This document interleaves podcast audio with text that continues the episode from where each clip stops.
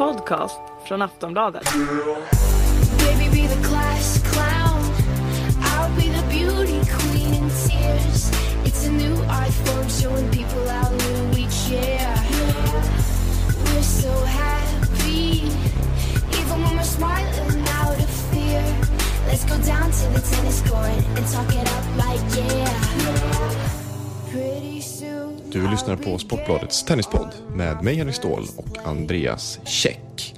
Och det blir ju lite halvtid för oss nu mitt i Wimbledon och för bara ungefär en timme sedan så åkte alltså världsettan Rafael Nadal ut med huvudet före mot 19-årige 144 rankade Nick Kyrgios. Och visst känns det väl lämpligt att börja i den änden, Andreas? Ja, verkligen. För det känns som att vi har en del att eh, reda ut Eh, så här färskt direkt efter den knallen som det ju verkligen var. Men eh, du och jag diskuterade lite innan vi började spela in den här podden eh, att det på förhand kändes rimligt någonstans att Kyrgios skulle kunna vinna matchen. Och jag personligen satt direkt efteråt och tänkte att okej, vad, vad kul för, för Kyrgios liksom. Men jag satt inte och tänkte så här, wow, hur är det möjligt? Utan jag var, någonstans så var jag inte så här tok överraskad. Men ju mer distans man får till det så känns det ju mer och mer som en praktsensation nästan. Mm. Med tanke på vem Nick Kyrgios egentligen är. Det beror ju mycket på att du och jag har pratat om honom ganska länge. Framförallt du. Mm. Eh, och att man både vet att han kan men framförallt liksom hoppas att han ska kunna. Eh, som kanske bidrar till att just den här känslan direkt efteråt, att man inte blev så, så överrumplad. Så. Mm. Ja, men verkligen. Eh, jag håller med. Jag har lite... Jag känner, ju, jag känner ju delvis som du, även om jag också nu ganska snabbt efteråt liksom insåg att men det här är faktiskt en mycket större skräll än Lucas Rosol 2012 och Steve Darcis 2013. Det kanske till och med är, eller jag tycker att det är en av de största tennisskrällarna i modern tid.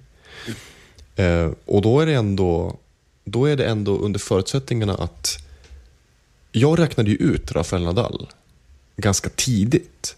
Jag räknade ut honom eh, redan, redan efter förlusten mot Dustin Brown i eh, Halle. Jag tror, alltså, jag tror att jag har skrivit i bloggen och vi har snackat om det i podden också att jag har räknat ut honom i Wimbledon tidigare än så. För det känns som att han har inte spelet på gräs längre av, av olika anledningar. Vi får, väl, vi får väl kanske grotta ner oss i det i en senare podd någon gång. Inte riktigt tillfälle just nu. Men, så att det känns ju som att den här skrällen är inte lika oväntad som Lucas Rosols var. Det, det kom ju verkligen som en blixt från klar himmel. För det var ju ingen av oss då som kände till att Nadal hade problem med sina knän och att han sen skulle försvinna och vara borta i sju månader på grund av skada. Men, men däremot så, nu har ju inte Nadal imponerat alls i Wimbledon i år. Det kan man verkligen inte säga att han har gjort. Han, har, han krånglade sig visserligen förbi Martin Klijan i första rundan, förlorade första set där. Han förlorade första set mot, eh, eh, mot Lukas Rosol. Precis i andra rundan och han förlorade till och med första set mot Mikhail Kukushkin i tredje Mm. set. Det är ju riktigt dåligt. Så att han har ju absolut inte övertygat, även om han ju mot Kukushkin vann han ju de tre nästkommande seten, 6-1, 6-1, 6-1. Men han har ju liksom inte övertygat, men däremot tycker jag att han haft en väldigt bra attityd. Man Ja, har visst. märkt att Eh. han har gått in, han har varit revanschsugen, han har velat tysta skeptikerna, han har varit extremt taggad liksom. Och han har gjort jobbet. Han har, även om spelet inte alltid har funnits där, så har han verkligen gjort jobbet. Och jag känner så här, inför matchen, den här matchen tänkte jag, eh, Kyrgios har spelet för att slå Nadal. Det har han, det, det tycker jag att han liksom har visat upp under det här, att det är över ett år som du och jag har snackat om honom, tror jag. Eh, jag vet att jag har i alla fall följt honom sedan förra våren. Eh, våren 2013 alltså. Eh, Kyrgios har ju verkligen visat upp att han har det här spelet. Men jag trodde inte att han skulle ha psyket för att mäkta med en sån här skräll. Att han, när han då om man tar första set mot Nadal eller om man har 2-1 i set eller 2-0 i set. Hur hanterar en 19-årig 144-rankad lirare den pressen? Som är när man står och spelar mot liksom en världsetta, en spelare som man vet blir äggad av underlägen. Och som är liksom en mästare på att vända sådana underlägen. Men han, han fixade ju det. Galant. Mm. Eh, och det känns som att han har lite grann den personligheten också. Eh, vilket gör att jag tycker att den här segern är ännu roligare. Den är ju, jag gläds ju bra mycket mer åt den här skrällen än liksom Darcis och Rossols respektive skrällar. För att de var ju någonstans obetydliga. Det här är en kille som vi gärna vill ska liksom, eh, på sikt etablera sig i toppen. Eh, han har liksom en karisma och en, en attityd som är kaxig utan att vara jobbig och störig på så vis som typ Benoit Per. Nu tar jag bara som ett exempel. Men eh, inför matchen så fick Kyrgios frågan liksom, tror du att du kan vinna mot Nadal? Så han bara, japp. alltså iskallt liksom. Ja, han har ju ett enormt självförtroende. Jag fick, en, jag fick lite rapporter om det från en bekant som hade träffat några australier som är involverade i australiska tennisförbundet. Som hade berättat för honom att Kyrgios är övertygad om att han kommer att vinna. Inte bara att han är övertygad om att han kan, utan han är övertygad om att han kommer att vinna mot Nadal. Och det är ju precis det självförtroende man behöver ha för att kunna slå honom. Vi ska också komma ihåg att den här spelaren som vi sitter och pratar om nu, han är ju liksom inte ens etablerad på ATP-touren ordentligt. Han är ju alltså rankad 144, långt, eller hyfsat långt utanför eh, topp 100. Nu kommer han visserligen att hoppa upp så här, 78 snäpp minst efter äventyret i Wimbledon. Men eh, det här var hans blott femte huvudturnering i en Grand Slam. Ja, för några veckor sedan så spelade han Challenger-turnering i Nottingham. Det var hans uppvärmning inför Wimbledon. Mm. Och han, han kom ju hit på ett wildcard. Liksom. Det, det ska man inte glömma bort. Nej, och han... eh, Och det, man ska inte heller glömma bort om man, om man sätter det här i, i, i ett perspektiv att Lucas Rosol var trots allt 26 år gammal när han slog Nadal i Wimbledon 2012. Och Steve Darcis var även han en etablerad eh, spelare. Liksom på en långt annan eh, ett långt över den nivå som Kyrgios har varit hittills. Så att, ja, men det är ju en, det är verkligen en, en monumental skräll här vi sitter och pratar om. Ja, säga. ja Även, om, verkligen. även om den inte, är- på vissa plan inte är så oväntad. Nej, som sagt, han har ju spelet liksom för att kunna slå Nadal på, på gräs, det vet man ju. Eh, Och sen har ju Nadal inte imponerat eh, liksom, inför den här matchen i den här turneringen. Men det visste vi om att de här öppningsmatcherna som han hade, han skulle ha problem med dem. Och både du och jag kände ju att han eh, troligtvis kanske ryker i någon av dem. Sen fick jag ju inte möta Karlovic i tredje rundan som, ju, som han ju... Eh, eller som vi trodde att han skulle få göra. Mm. Han åkte ut redan i första rundan. Ja, men jag kände någonstans att även fast han har sett rätt risig ut så att nu är han ändå liksom det andra veckan. Gräset börjar, det börjar nötas liksom. Det börjar bli mer och mer grusliknande förhållanden. Han kommer in i det mer och mer. Eh, jag kände ju ändå att jag, jag trodde att han skulle ta sig till final. Eller inte till final, men i alla fall till semifinal. Eh, mm. Jag, jag kände väl kanske inte att... Eh, alltså, som, som jag sa innan så hade jag räknat ut Nadal helt och hållet. Jag trodde att han skulle ryka någon gång ganska tidigt, alltså första eller andra rundan. Men jag var, eftersom jag inte var övertygad av hans spel så, så hade han ju inte direkt stillat min oro om man säger så. Jag trodde fortfarande att han, att han skulle kunna ryka någon gång eh, innan liksom, de senare dagarna under tävling, den här andra tävlingsveckan. Men jag kan ändå, jag kan inte säga att jag trodde att han skulle förlora mot Nick Kyrgios, för det trodde jag inte. Nej. Nej.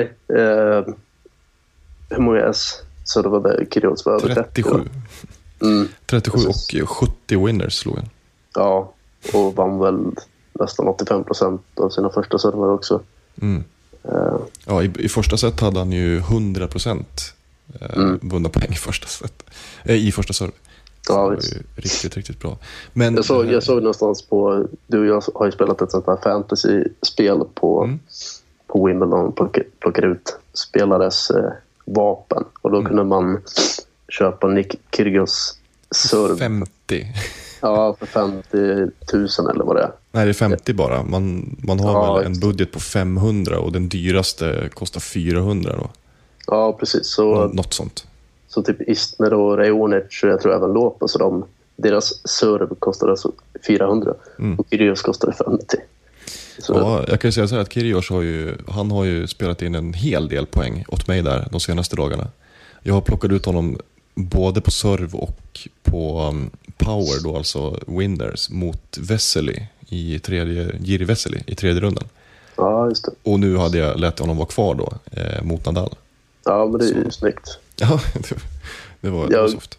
Ja, jag gav upp det där fantasyspelet. Jag är på Gotland där vi spelar in den här podden. Mm. Så jag har inte riktigt tid där att, att sitta och hålla koll på. Nej, precis. Det blev några magplask för oss i, i början. Så jag, eh, fatt, först fattade jag inte vad, vad man skulle göra, så det blev helt kalkon i första rundan. Och sen var det någon, jag tror det var andra, andra liksom dagen, då glömde jag bort att byta spelare. Så, Mm. så det, ja, det var inte jättemånga poäng man fick. Vi missade ju också första dagen, ska vi säga. Ja, så. Så att, ja, ja. Men ja nej, men det, gällande det här resultatet som vi Mm. fick uppleva nu under tisdagskvällen. Om Nadal finns det väl egentligen inte så mycket att säga. Alltså, det var ganska väntat att han inte skulle göra bra resultat i Wimbledon 2014. Liksom. Nej, och man kan väl också säga det att han gjorde absolut inte en dålig match. Det, det tycker jag inte att, han, att man kan säga. Det var liksom, han, gjorde, han gjorde vad han kunde. Men han var, stora delar av matchen så var han spelmässigt underlägsen.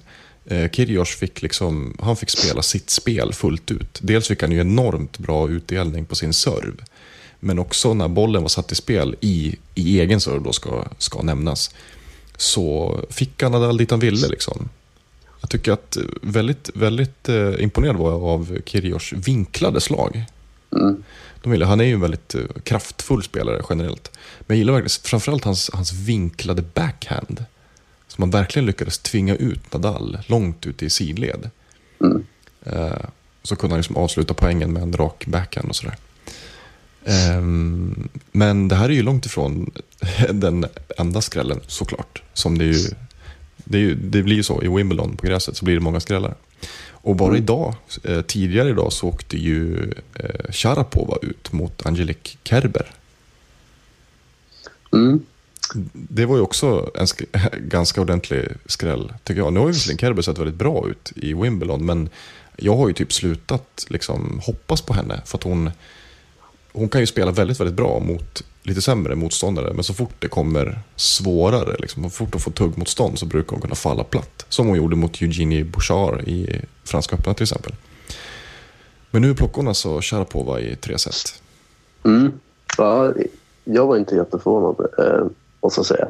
Jag kände, eh, det, det var inte för att jag typ eh, hade så här, positiva vibbar kring Kerber. Visst, hon har liksom spelat stabilt tidigare i turneringen. Hon är ju bra på gräs, liksom. framförallt när, när hon är i bra form så kan hon ju ihop alla.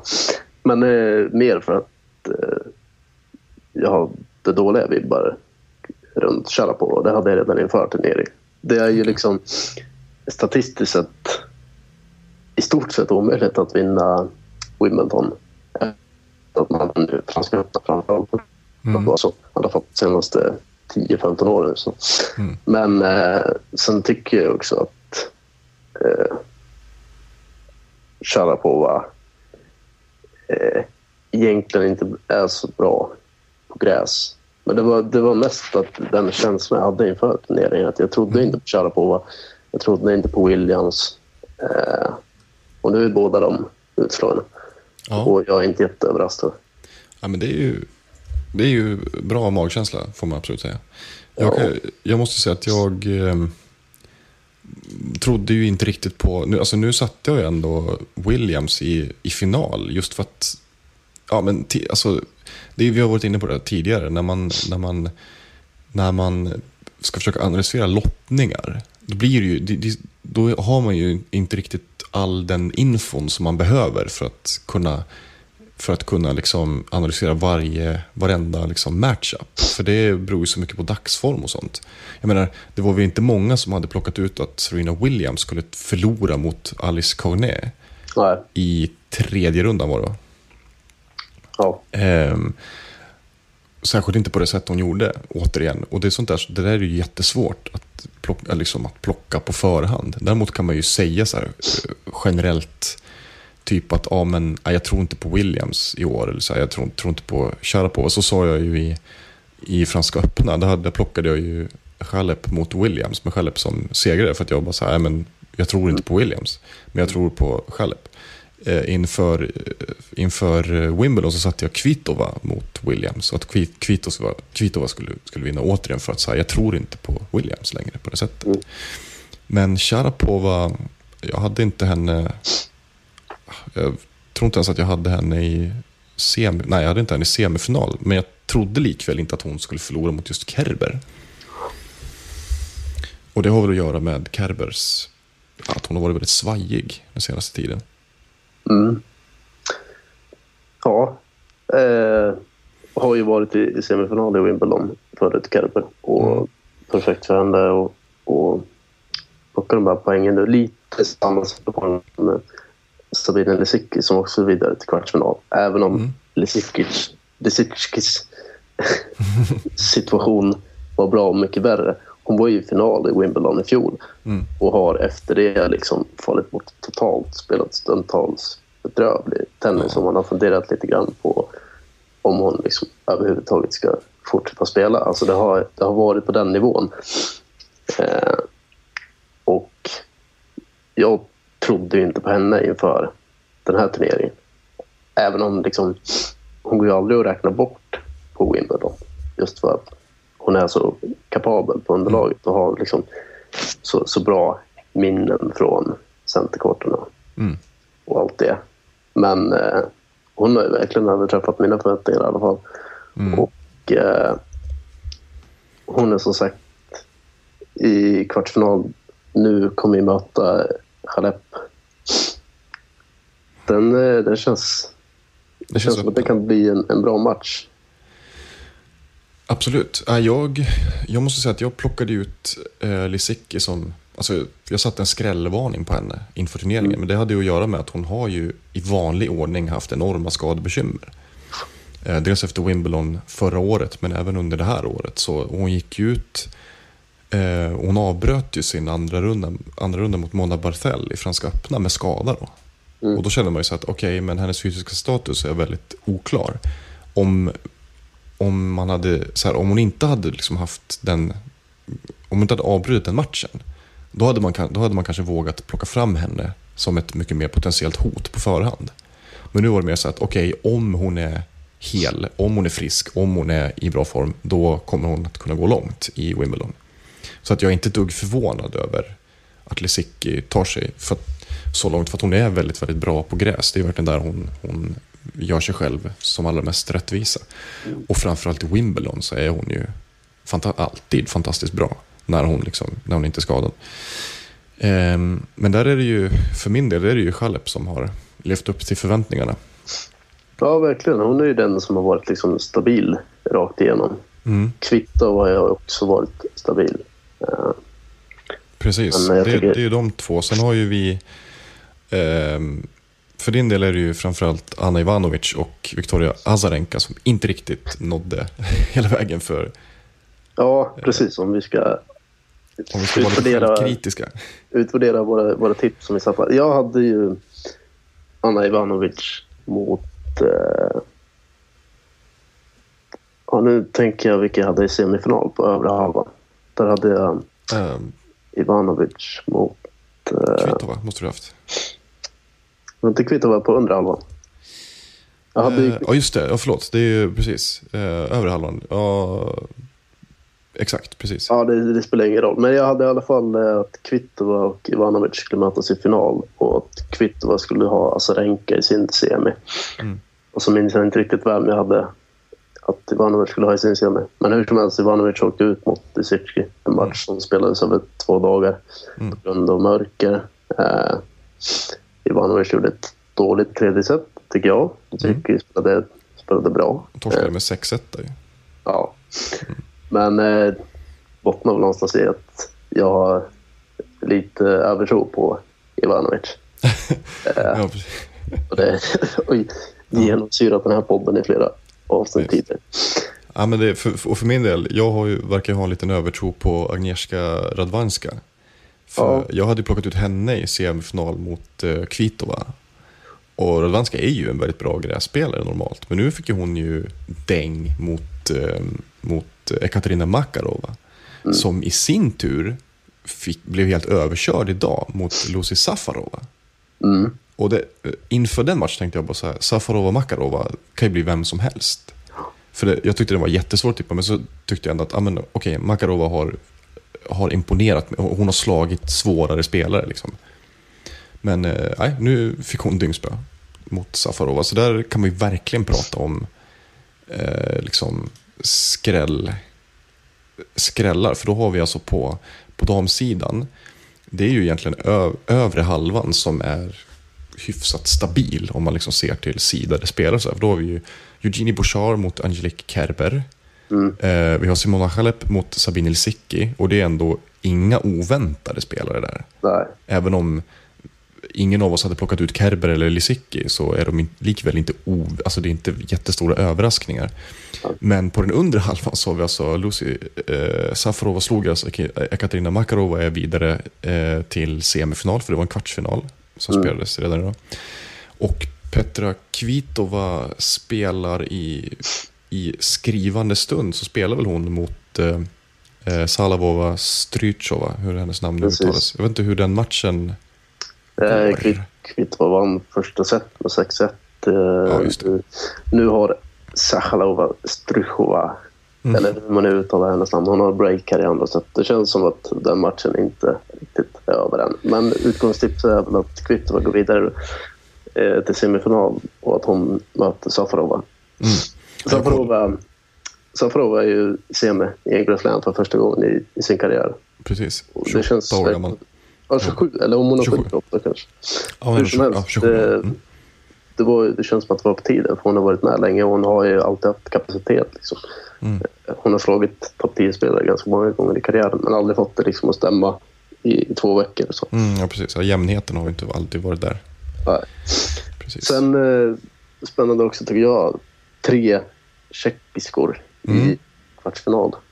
precis. Vi, vi snackar liksom om det alltid. Så här, ja, men det ska bli spännande att se tjeckiskorna på, på gräs. Liksom. Berdic säger man ju alltid är duktig på gräs, vilket han ju är i och för sig. Mm. Eh, Kvitto och så. Och, och det, det finns liksom inga gräsbanor i Tjeckien.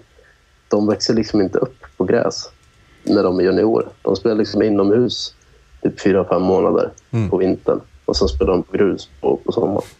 Så det, jag, ja, läste, jag läste en artikel om det. Jag minns inte vem det var som skrev den. Eh, men då hade de ju intervjuat flera tjeckiska spelare och även tränare om just det här gräsfenomenet. Och de trodde att förklaringen ligger i att de spenderar så stor pass del av sina juniorsäsonger inomhus. Att de liksom lär sig spela på det snabba underlaget. ja, just det. Så kan det ju faktiskt vara för ofta också när tjeckerna får välja underlag i eh, Davis Cup till exempel. Så väljer de ju väldigt ofta eh, snabb hardcourt. Mm. Som typ den snabbaste hardcourten som är möjlig, liksom, som är tillåten enligt reglerna, ITFs regler. Eh, apropå Tomas Berdych förresten så måste vi nämna att han fick ju stryk mot Marin Cilic i raka set. Och det är ju inte en dunderskräll att Berdych eh, förlorar mot Marin Cilic i, i tredje rundan. För Marin Cilic är en väldigt bra grässpelare. Men jag trodde inte att han skulle förlora så enkelt i, som, i, som i raka set. Nu var visserligen två av de seten tiebreak, så att, ja, där kan det ju hända lite vad som helst. Men ja, jag är nog... Jag måste säga att jag, jag börjar faktiskt fundera på om inte vi överskattar Berdych ganska mycket på gräs. F- Just för att han gick till final 2010 och att han i den turneringen då slog ut både Federer och Djokovic. För det känns inte som att han lever upp till förväntningarna på gräs. Han har inte gjort det på många år. Nej, jag håller med. Eh, nu sa jag visserligen i vårt inför special här att jag trodde Burdish är den som kan stå i vägen för Andy Murray på hans väg till en final.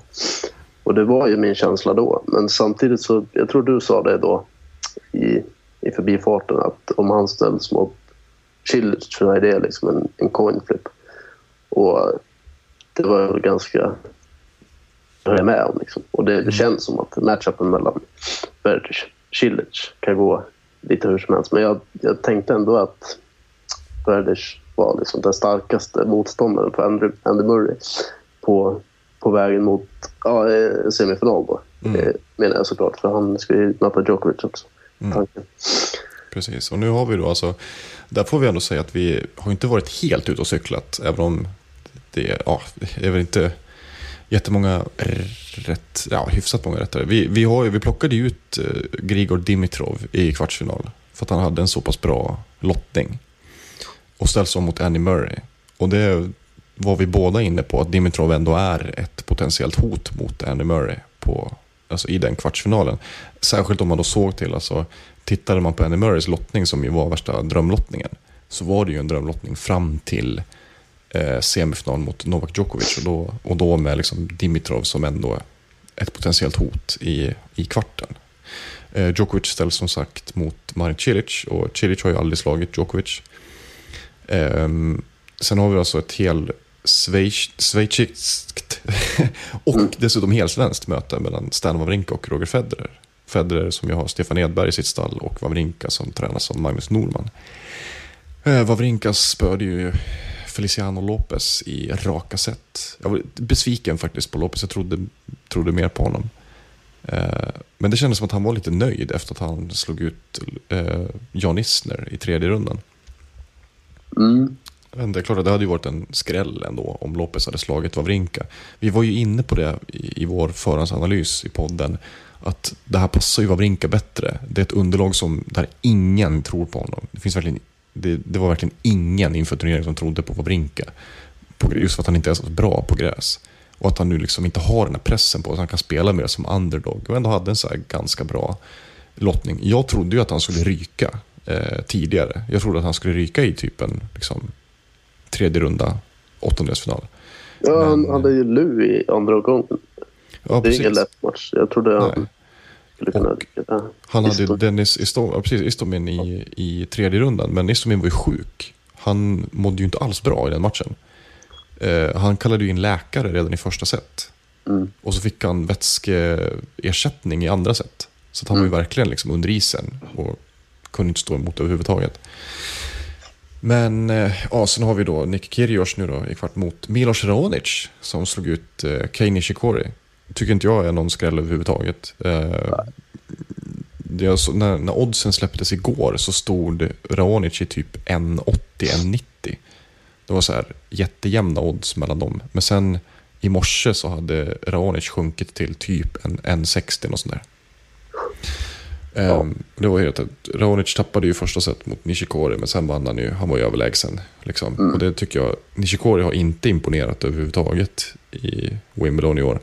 Visserligen gjorde Simon Bolelli en bra match i tredje rundan. Uh, Bolelli hade alltså 2-1 i set och den matchen avbröts ju vid 3-3 i femte set. Sen när den återuppstod, återupptogs igår så vann ju Nishikori ganska enkelt. Men det kändes ju på förhand som att Nishikori, han, kan, han kommer inte kunna hantera Raonic mammutserv. Nej, Och det kunde han inte heller. nej, precis. Ehm, så att då har vi alltså eh, två, två riktigt stora framtidsnamn här. Och då är då Milos Raonic, är, får man ändå säga, han är ju liksom, han är ju den som snackats mest om tillsammans med Grigor Dimitrov de senaste åren. Och nu är ju han ju också, jag menar inför Wimbledon så var han, eh, så var han världs, åt- eh, världsnia.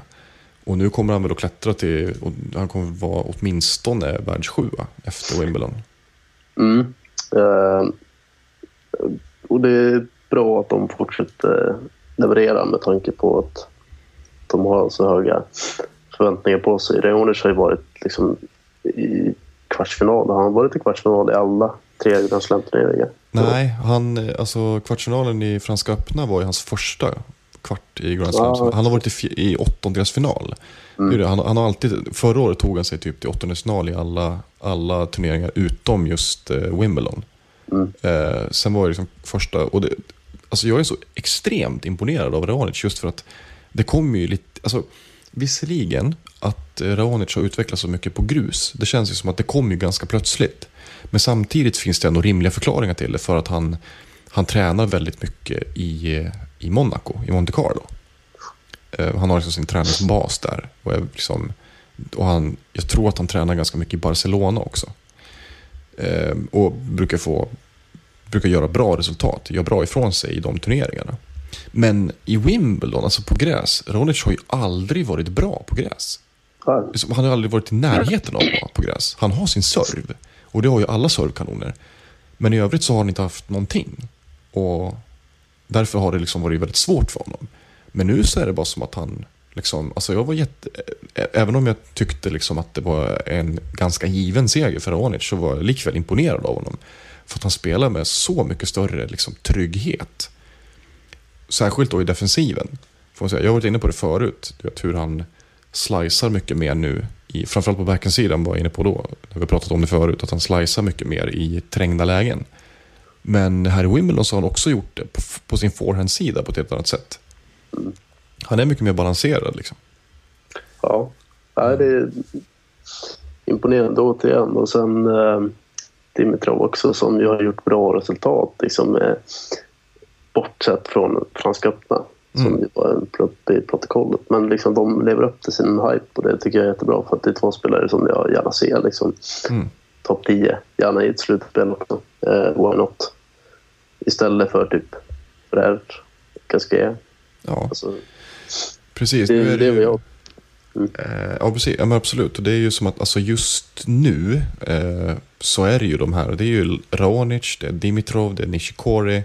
Till viss del också såklart Ernest Gulbis som ju åkte ut i andra rundan. Ingen skräll whatsoever tycker jag. För att Gulbis är inte ett dugg bra på gräs. Han har liksom, alltså man kanske tycker tycker att han borde vara det för att han har ett så bländande offensivt spel. Men alltså, han rör sig inte tillräckligt bra på gräs och hans sving är alldeles för lång och omständlig för att det ska kunna funka på gräs. Jag tror att vi pratar om det inför turneringen också. Jag tror vi båda räknade ut honom ganska hårt. Mm. Eh, Jo, det gjorde vi. men det är Eh. likväl de här spelarna som, som har chans på att liksom stabilisera sig inom topp 10 och utmana om slutspelsplatser. Ja. Så då, då är det ju väldigt kul, som du säger, när de, när de lever upp till det. Mm, precis. Eh, nu, nu blir det ju Dimitrov Murray då i, i kvartsfinalen. Jag ska bara rätta det där som jag sa tidigare angående att Berdych skulle spöka för Murray i kvarten. Så var det inte alls för att det är inte möjligt sett till lottningen. Men jag, då var det i så fall så att jag trodde att Berdych skulle gå till semifinal. Jo, men det var, av eh, Djokovic. det var så jag tolkade det. Ja, men bara så, eh, bara så rätt blir rätt. Men eh, då kan vi snacka lite kort om Djokovic. Han har ju sett, eh, tycker jag, tappat sätt. Han Mm. andra. Nära att torska fjärde sättet också. Och hade han gjort det så kan det mycket väl ha varit så att han har torskat matchen också. Ja, eh, var en ganska ordentlig formdipp på honom i den matchen. Just Mm. mot Stepanek. Han spelade väldigt försiktigt. Eh, och sen så, nu slog han ju Tsonga i raka set i åttondelen. Mm. Men han var ju inte, alltså, det var inte en utskåpning spelmässigt. Jag tyckte Tsonga det hängde det. med ganska bra. Ja, samtidigt som Songa just för tillfället inte är så jättebra. Liksom. Så just den matchen var ju knappast som man satte gapa liksom, av Nej. häpnad över hur bra. Så var det Nej, inte. precis. Nej, verkligen inte. Ehm, Men jag tycker ändå det har sett hyfsat stabilt ut. Liksom. Mm.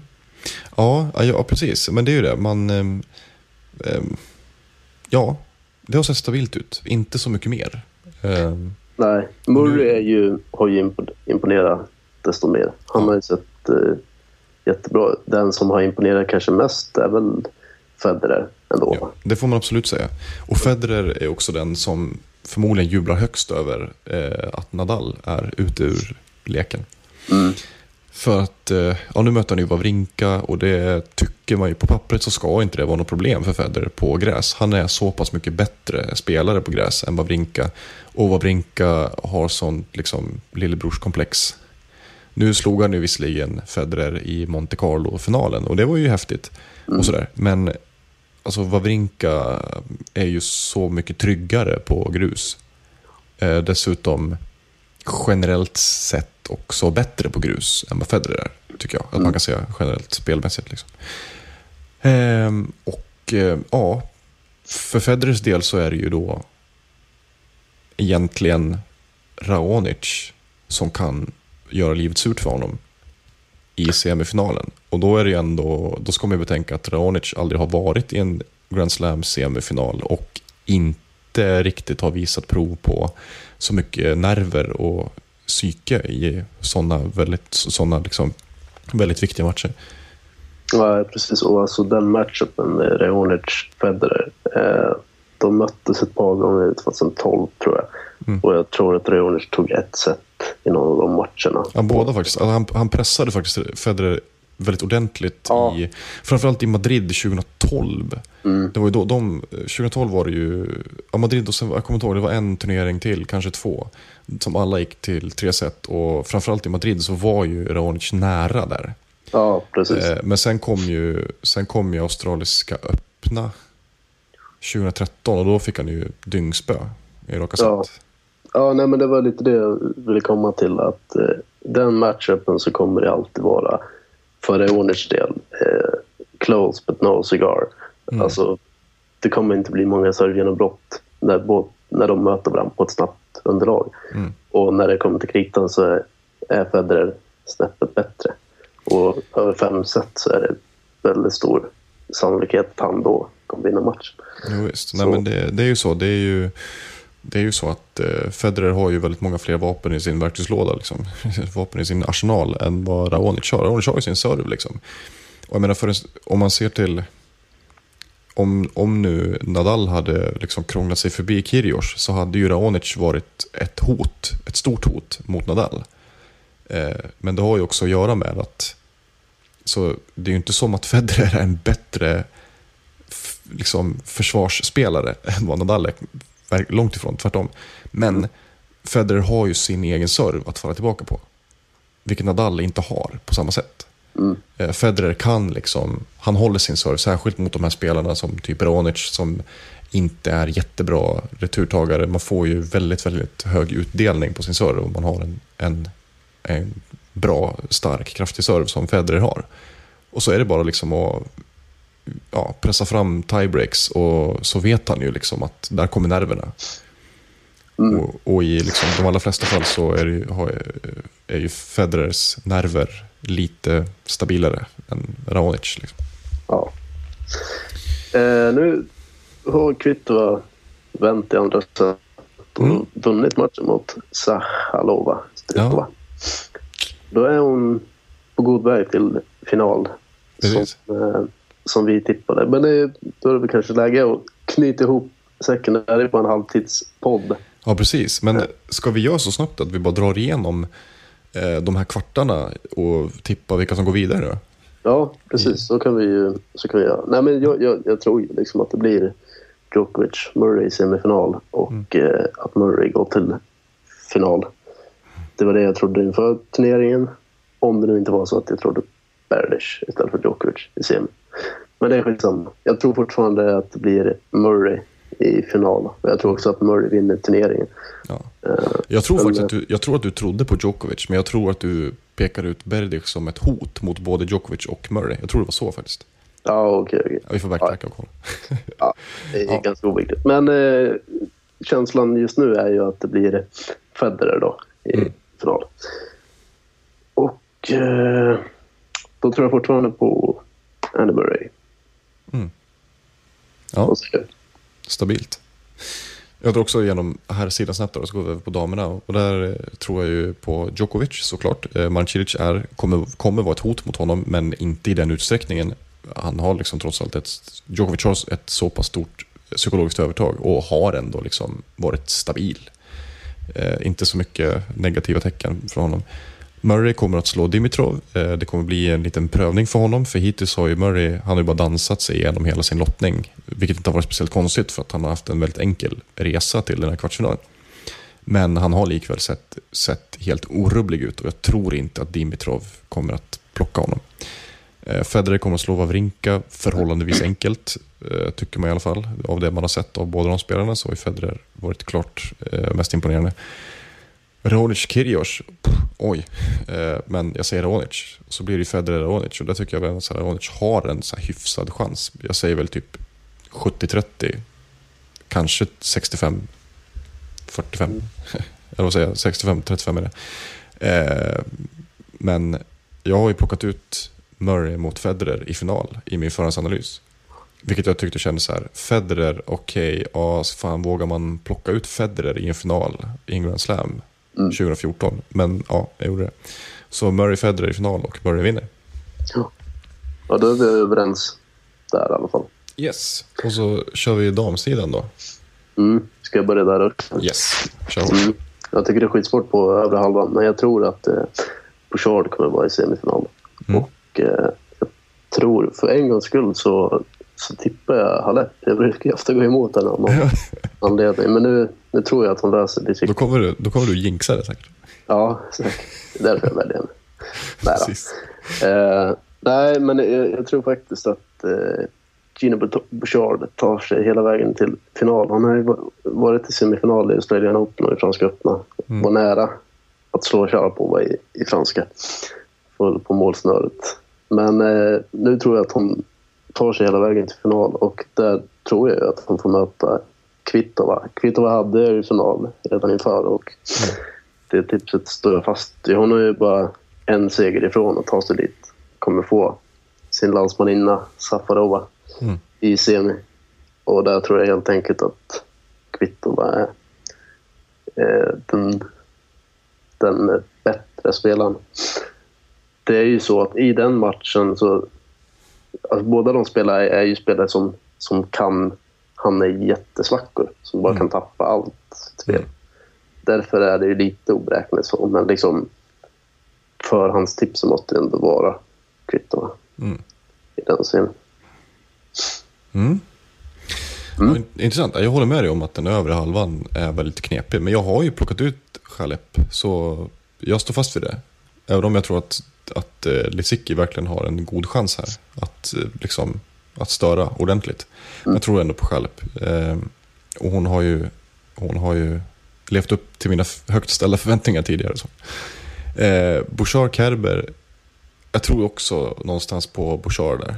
Faktiskt trots att Kerber är en väldigt duktig grässpelare så, och slog ut Sharapova så ja, är, hon är het liksom, som mm. tusan den här säsongen.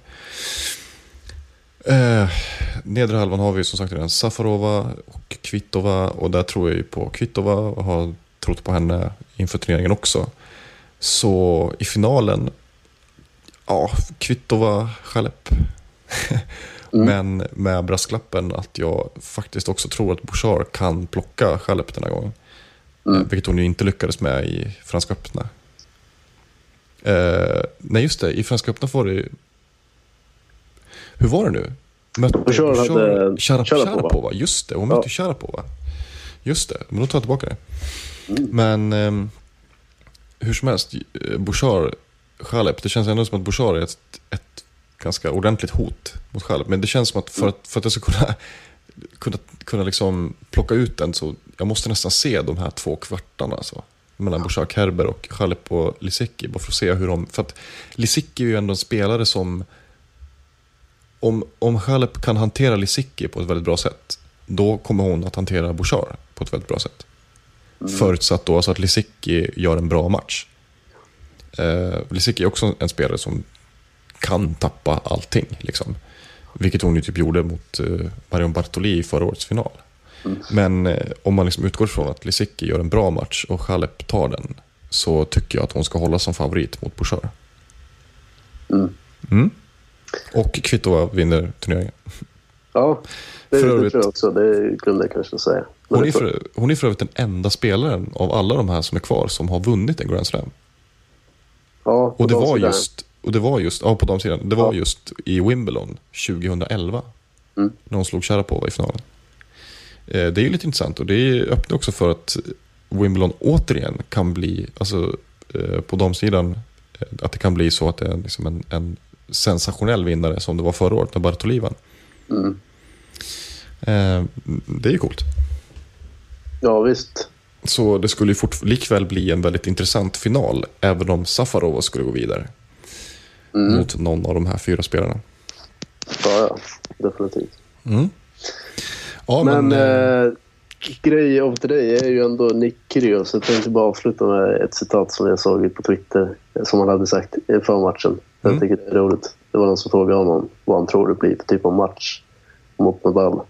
Och då sa han Well, there's 14 Grand Slam titles between us so I think it's gonna be a good match. det, det är ju ett skönt citat. Ja, så fan. Det är lite i klass med eh, Pete Sampras där, när han åkte på däng. Jag kommer inte ihåg, var det skrällen i Wimbledon kanske? Som han, som han fick en... Jag kommer inte ihåg, det var någonting i alla fall. Han frågade i alla fall, så här, vad skiljer dig från den här spelaren? Och då svarade han 14 Grand Slams. Nej, men det var nog, nej, det var nog Pat Rafter han sa det om. Ja, så kanske. Kan det, det vara så? Något sånt, det var någonting i den stilen. Typ att de var 10 Grand Slams då, jag minns inte. Det var ett kul citat i alla fall. Mm. Ja. Ja, Ja, men eh, då syr vi ihop den här säcken nu då. ja, vi återkommer när Wimbledon är slut. Det gör vi. Vi får se om det blir på söndag. Det beror ju lite på hur, eh, hur finalen blir. Om den håller på i sju timmar liksom, så kanske vi får vänta till måndagen. Men Ja, Men, precis. eh, Söndag kväll ankommer jag till Båstad skulle jag tro. Så vi kan väl ta vid där på något vis också. Avsluta Wimbledon och snacka lite kort för Båstad kanske. absolut, men det måste vi göra, självklart. Du har lyssnat på Sportbladets tennispodd med mig Henrik Ståhl och Andreas Käck. Om du vill höra av dig till oss med eh, feedback eller frågor eller förslag på ämnen att ta upp i podden så kan du göra det antingen via mail och då är det fornamn.efternamn.aftonbladet.se. Du kan också skriva till oss på Twitter och då förslagsvis under hashtaggen Tennispodden. Ansvarig utgivare är Jan Helin. Hej då! Hej då. Even when we're smiling. Let's go down to the tennis court and talk it up like yeah. Pretty soon I'll be getting on my first plane.